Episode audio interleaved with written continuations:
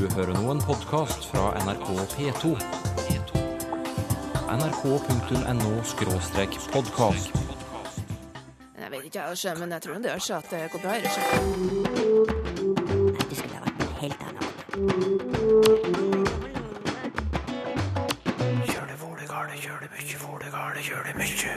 Her er et forslag. At dere bytter ut eh, bemanningsbyrå med bekvanningsbyrå. For da blir det kjønnsnøytralt. Enig? Jeg vil ikke være en forkjemper for at vi skal hete bekvanningsbyrå. Det er et ord som ikke hører hjemme noen plass. Hvordan uttale årstall? Språkrådet revurderer rådene sine. Den faktiske bruken der ute er eh, ikke helt i samsvar med, med vår anbefaling. Vasking av Gud til dussen. Hva sa du, Sylfes Lomheim? Helledussen. Hva? Hellandussen. Hellandussen? Jeg bruker det ikke sjøl, men eh, Men det gjorde du jo nettopp. Og du skal få si det igjen senere i sending. Et bemanningsbyrå er et byrå som formidler jobber og arbeidskraft. Men kunne du tenke deg å kalle det noe mer kjønnsnøytralt? Bekvanningsbyrå, for eksempel? Redaktøren i nettavisen arbeideravisa.no bruker dette ordet konsekvent, både når han skriver og snakker. Men klarer han å overbevise bransjen selv om at det bør hete bekvanning? Spennende. Er det der, da? Det var jo et uh, skilt der borte, da. På, men jeg vet ikke Her står det. Ja, ja, ja. Her er det. Bemanningsbyrå Jobzone. Bekvanningsbyrået. Hallo? Daglig leder Gunn Irén Berg Svendsen er vi på jakt etter. Hei. Hei. Ann Jones fra Språkteigen. Ja, Gunn Irén Svendsen. God dag, god God dag. god dag. God dag. Kan dere være med innpå her? Ok. Jeg har noe med han Albert Collett, ja, da, som er redaktør i, i nettavisen arbeideravisa.no. Ja. Og han har et forslag til deg. Ja, få høre. Ja. At dere bytter ut eh, bemanningsbyrå med bekvanningsbyrå. For da blir det kjønnsnøytralt. Vet du, Albert, jeg syns du har altfor god tid. Du har så god tid, og så sitter du og spekulerer på sånne ting. Hvorfor gjør du det? Du er en oppegående mann med mangt, meninger om mangt. Bruk tida di på noe mer fornuftig. Ja, det var jo en snedig respons. Eh, og det, det er jo mange snedige responser på dette forslaget her. Og jeg sier ikke at jeg har funnet fasit, for jeg tror ikke fasit finnes eh, på nesten noen spørsmål. Men når jeg har så god tid, så er det vel fordi at jeg eh, Delvis så liker jeg å leke litt, men, men det er noe med at vi vi, eh, hvis vi skal komme videre med likestilling, så tror jeg at vi må utfordre vedtatte sannheter hele tida.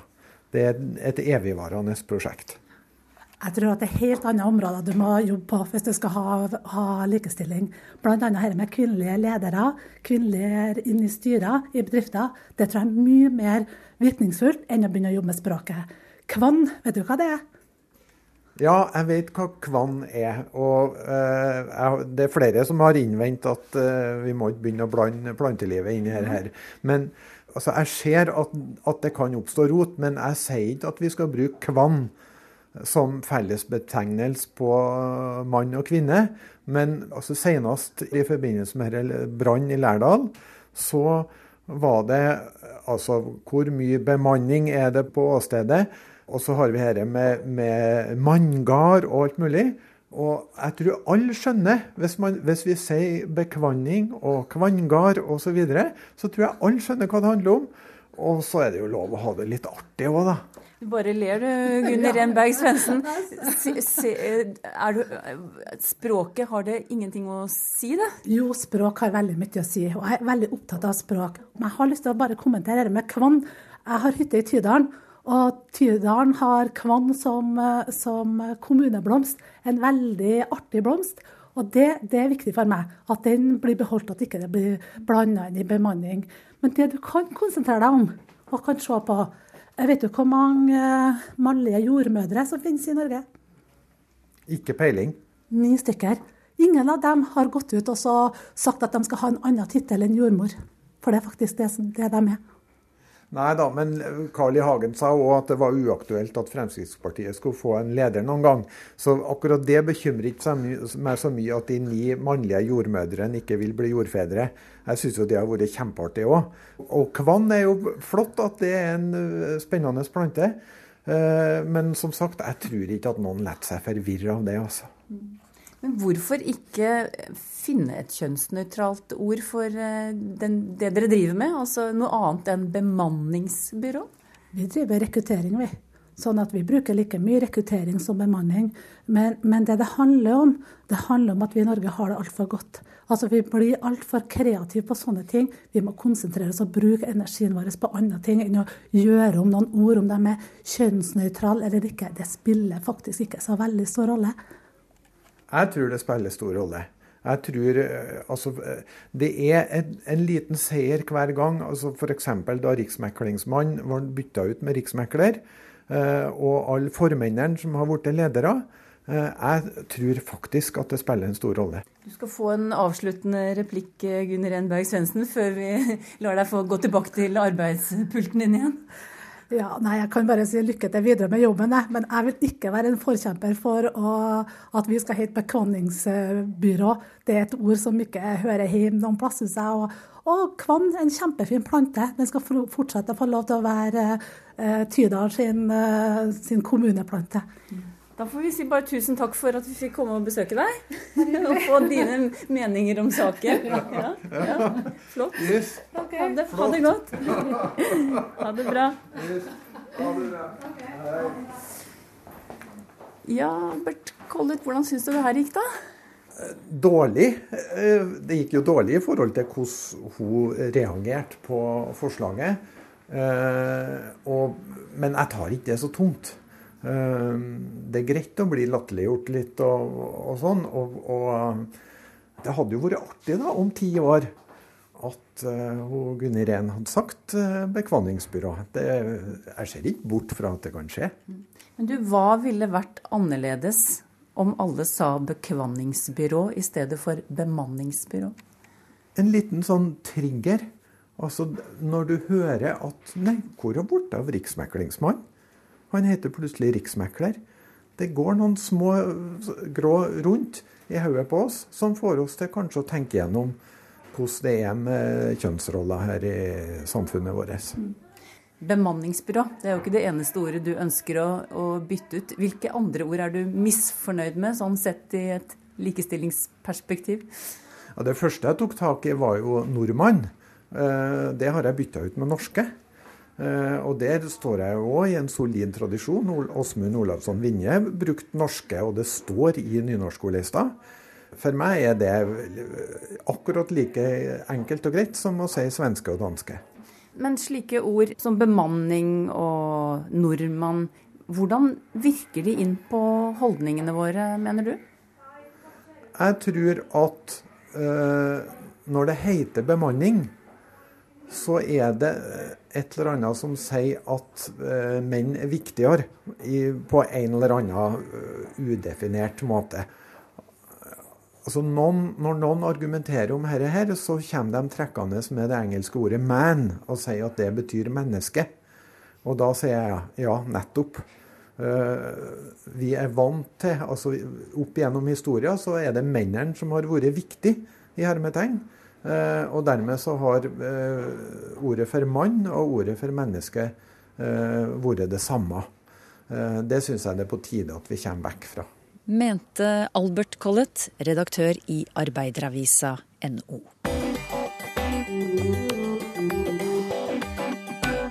Øystein Bårdsgaard, rådgiver i Språkrådet, hei. Hei, hei. Vi skal jo egentlig snakke om årstall, du og jeg, men når jeg allikevel har deg her, eh, hva skal til for at ordet bemanning blir erstattet med bekvanning i, i likestillingens navn, som vi hørte Albert Collett eh, snakke om nettopp? Ja, Det skal nok litt til. Jeg er ikke sikker på om det vil slå gjennom med det første. Men eh, det han må gjøre hvis han vil at dette ordet skal slå gjennom, er jo å ta det i bruk. Og få andre til å uh, ta det i bruk. Uh, nye ord oppstår jo gjerne når vi har behov for nye ord. Eh, og dette ordet bemanning er såpass innarbeida i språket, så akkurat det ordet får han nok litt problemer med, vil jeg tro. Men eh, det gjelder jo generelt for alle nye ord at de må ha en viss utbredelse da, i, i, bruk og i tid for at de skal liksom komme inn i ordbøkene.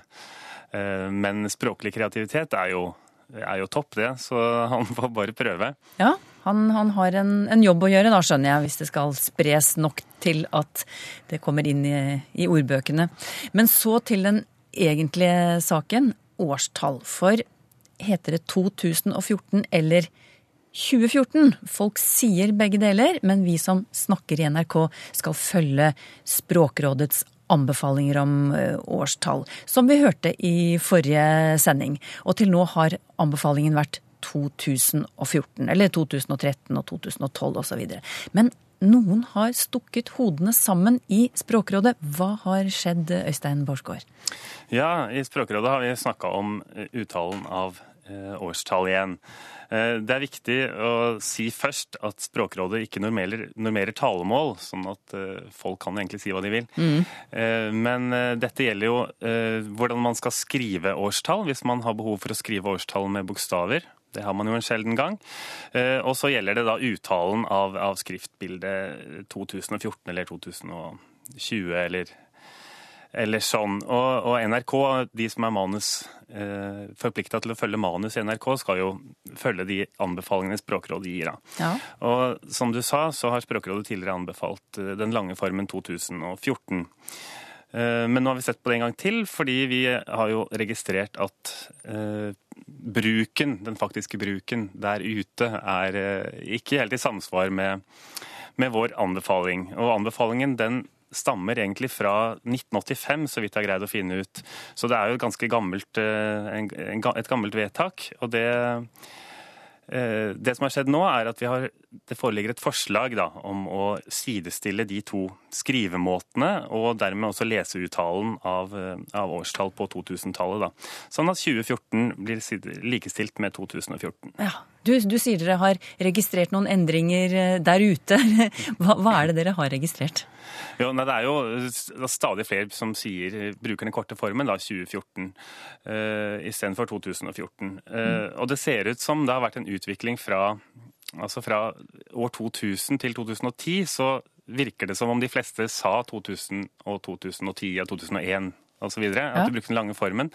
Eh, antagelig pga. sammenfallet mellom altså 21. Det, det klinger ikke så bra, og det er ikke helt entydig. mens eh, og det er også ganske kort, men hvis mm. du da kommer til 2014, 15 og 2048, ja. så blir det ganske langt. Så da ser det ut som folk da heller velger den korte formen 20. Ja. 2014 og 2048. Eh, og det, der er det jo heller ikke noe tvil om hva man mener. altså Betydningen er, det er entydig, da. Er det noen som har gått foran som eh, hva skal jeg si, språklige forbilder her, som kan ha påvirket uh, måten vi sier disse årstallene på? Vi ser i hvert fall at uh, sånne logo, sånne titler på ting, da, at der er det veldig vanlig uh, å bruke kortformen. F.eks. Uh, OL i Oslo 2022. Mm. Da er det veldig sånn, sånn innarbeida, den korte, korte varianten. Og så ser vi det også nå med grunnlovsjubileet i 2014. altså Det virker som om folk kanskje vil ha en parallellitet da, til 1814 og 2014. sånn at i sånne jubileer jubileer og sånne sånn logospråk, da, så kan, så kan nok hende det også har hatt en innvirkning på, på, bruken. Jeg forstår det sånn at dere får en del publikumshenvendelser eh, om dette. her. Hva er det folk eh, vil? Ja, Mange vil at vi skal sidestille de to formene, eh, 2014 og 2014, i, i våre anbefalinger. Mm. Og Det er jo det som foreligger som et forslag nå, og så skal det eventuelt vedtas da i februar. Eh, så, så de, jo, de, som har henvendt seg til oss, har fått gehør, kan du si. Det har de. Og det er ikke bare i Norge disse diskusjonene om årstall foregår. Vi finner lignende debatter i bl.a. England og Tyskland. Og Øystein Bårdsgaard, han er rådgiver i Språkrådet. Tenker du at Ivar Aasens språkprosjekt på 1800-tallet var enestående for Norge? Det er det ikke.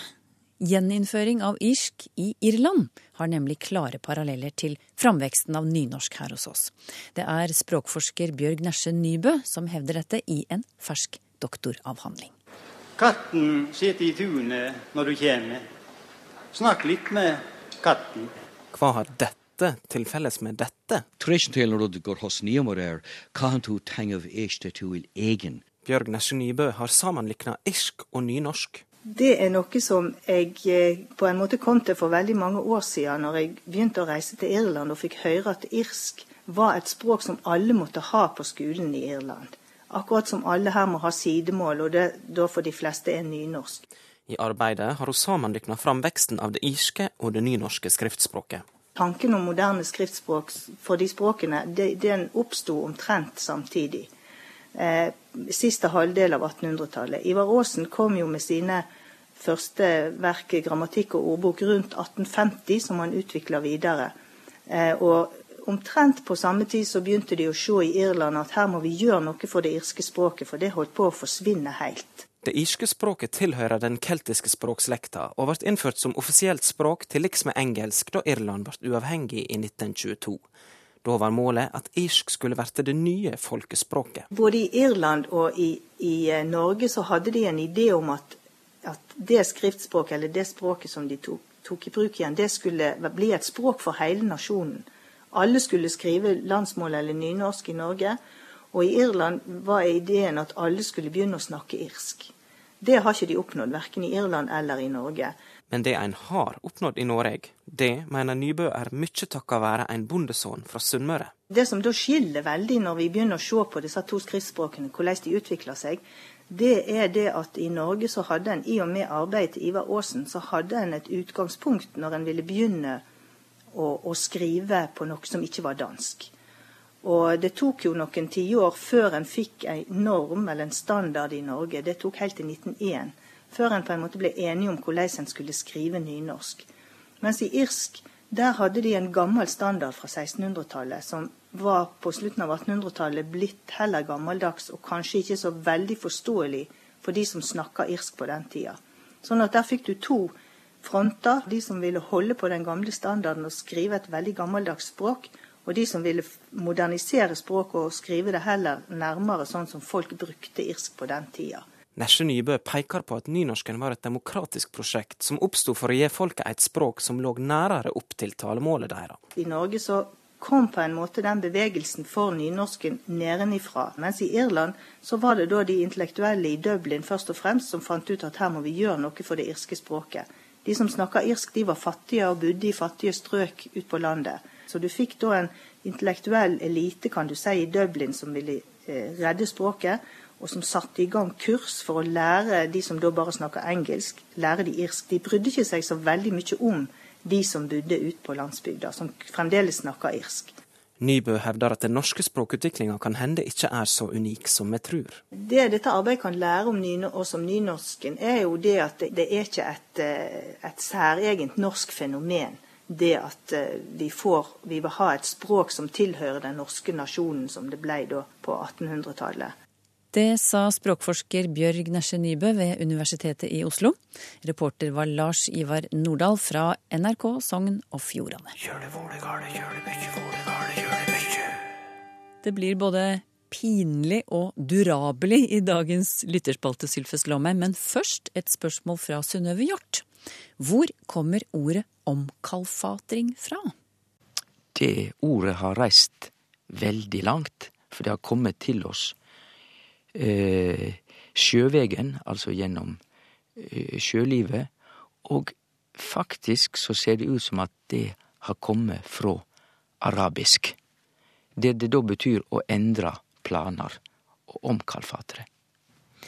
Bente Svenskam spør om det går an å rutte med noe annet enn penger, og brukes verbet i andre former enn infinitiv? Å ja da, det kan eh, bøyes. Ruttar og har rutta og har rutta. Så eh, ordet og verbet rutta kan bøyes som et verb. Om det kan brukes som noe annet enn penger? Nei, strengt teke ikke. Det artige er at vi har verbet å rutta fra tysk. Det det tyder å plyndra eller å røve, og hvis du har plyndra eh, eller røva, så disponerer du jo plutselig en del penger, så da har du noe å rutte med. Men på norsk har det fått en finere betydning. Det betyr bare å ha, å ha penger eller å få penger som du kan bruke. Leiv Hartli Andreassen eh, lytter til et eh, program, radioprogram i NRK der programlederen sier 'Hellandussen'. Hvor kommer dette uttrykket fra, og hvordan blir det som regel brukt, spør han. Ja, eh, både Hellandussen og det som er opphavet til Hellandussen, må vel være Helledussen. Det er ikke av de sterkeste bannorda, vil jeg si. Det, jeg bruker det ikke sjøl, men det er jo et ord for du all verden, ikke det det enn? Altså, dette var ja, litt mm. sånn du blir overraska, eller dette var litt voldsomt, men ikke veldig sterkt. Nei. Det som ordbøkene sier, at eh, Helland eller Helle er i slekt med, med hellig, og det er kanskje ikke uventa, hellige Gud, og at øh, det er forvansking av du, du heilage Gud, som uttrykk. Kanskje. Ja, At dussen betyr Gud? Ja. Oi. Ei forvansking av Gud til dussen. Olav Lyngseth skriver til oss om å servere middag. Han skriver når vi serverer middag, så, middag, så har vi jo ofte flere retter. Vi, kan ha forrett og hovedrett, og i finere selskap så er det gjerne kanskje en mellomrett og til og med hvilerett. Men når vi kommer til avslutningen av måltidet, så heter det ikke etterrett eller sluttrett. Nei, da heter det dessert. Hvorfor?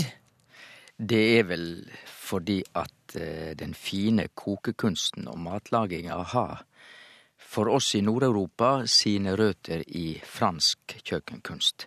Men det er jo artig at eh, vi har vært flinke til å ta i bruk norske ord for alle rettene. Forrett og hovedrett og hvilerett og eh, så videre. Men at vi har holdt på det franske dessert. Vi kunne jo godt ha kalla det etterretten eller sluttretten, det hadde vært veldig fint, det. Det franske ordet dessert, forresten, det betyr Det kjem fra desservir, som betyr å avslutte, altså å dekke av bordet, nærmest. Så og dessert er på en måte det som avslutter hele bordserveringa. Hva betyr pinlig nøyaktig, og hvorfor sier vi det slik, spør Tore. Ja, Pinlig nøyaktig betyr jo veldig nøyaktig. Så pinlig er her brukt som forsterkende.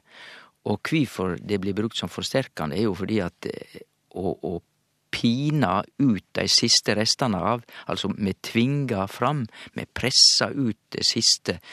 Så det er ikke så vanskelig å forstå at me kan bruke det forsterkende pinlig nøyaktig. Eh, heile ordet kjem jo fra Poena, P-o-e-n-a, et latinsk ord som rett og slett betyr straff. Så pine var i utgangspunktet straff. Hva er opprinnelsen til ordet durabeli, spør Torunn Kristine Eriksen. Ja, og skriv det stilige ord for øvrig, og det ja. må vi vel si. Jo, opphavet er durabel, altså durabeli, kjem fra durabel, som har bare lagt til den IG-en, som jo er en vanlig, ei vanlig ending i norsk språk. Så både durabel og durabeli er greie norske ord. Ordet durabel kjem fra fransk durable, og det betyr det som varer. For det franske verbet duré betyr å vare. Sverre Langgaard har merket seg at særlig politikere har begynt å si både, men også, der det ville være naturlig å bruke både og. Og jeg ser at Eh, både Facebook og også i mange e-poster som vi får, så er det lyttere som er opptatt av dette. Og jeg har selv blitt irettesatt av oppmerksomme lyttere fordi jeg har sagt både menn også i programmet. Sylfest, eh, din mening om dette? ja, for det første. I veldig nøye og omhyggelig språk, og da tenker jeg først og fremst på skriftlig norsk, så bør det jo heite både og.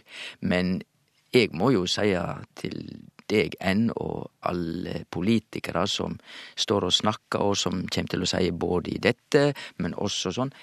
Jeg har ingen vansker med å si at det må være ok. Odd Jan Skriubakken reagerer på at folk blander sammen uttrykkene død og pine og i hytt og vær. Nå heter det visst i hytt og pine, skriver han, og vil at du skal forklare uttrykkene, og kanskje si noe om hvorfor de blir blandet sammen. Ja, det at eh, det skjer sammenblanding av uttrykk, det har de fleste lagt merke til. Stundom så skjer det jo fordi at den som snakker eller skriver, vil være morosam og sier i hytt og pine. Og tenk på de som sier for å være morosame, ja, han tenker nå berre på å mjøla si eiga sjuke mor. det blir jo helt vanvittig. Men dette fenomenet med å blande sammen uttrykk er altså vanlig. Det heiter på fint kontaminasjon, det er det språkfolk kaller det. Det betyr smitte eller sammenblanding. Og det heiter i hytt og vær, ikke i hytt og pine. Både hytt og vær betyr omtrent det samme, det er opp i lufta. Og pine, det er død og pine, og det er òg omtrent like ille begge deler. Så både død og pine og hytt og vær er i grunn uttrykk der me sier det samme omtrent to ganger. Og meininga i hytt og vær, da går det opp i lufta, det er på måfå, på slump. Og død og pine, det er jo sjølvsagt, da er det vondt. Heter det promotere eller promovere, spør Jostein Krakenes. Og da er det korte svaret at det heiter jo egentlig begge deler i norsk, men der må jeg si obs, obs, fordi de kan ikke brukast om hverandre. De har altså ulik bruk.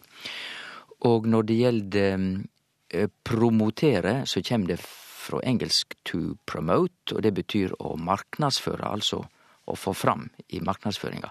Og jeg vil jo si at å promotere på norsk er som regel ikke nødvendig å bruke, vi kan jo bare bruke marknadsføre og marknadsføring, skulle jeg tru. Når det gjeld promovere, da er vi over i klassisk danning og universitetssammenheng, fordi at det vart brukt om ein som hadde tatt doktorgrad, og da vart du promovert til doktor. Pro betyr fram, og movere, jf. engelsk to move, betyr å flytte eller å bevege, altså. Du vart flytt fram til doktor. Promovert til doktor. Og Derfor har vi òg på universiteta doktorpromosjon. Det er da ein, ein seremoni der eh, de som har tatt doktorgraden, blir forfremma til doktores. Så ikke bruk disse orda promovere og promotere på samme måte. Har du spørsmål til Språkteigen?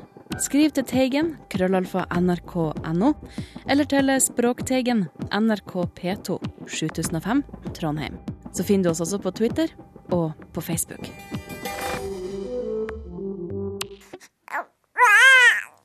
Hva skal barnet hete? Går det an å gi det navnet Heimdal etter den norrøne guden? Språkteigen om en uke.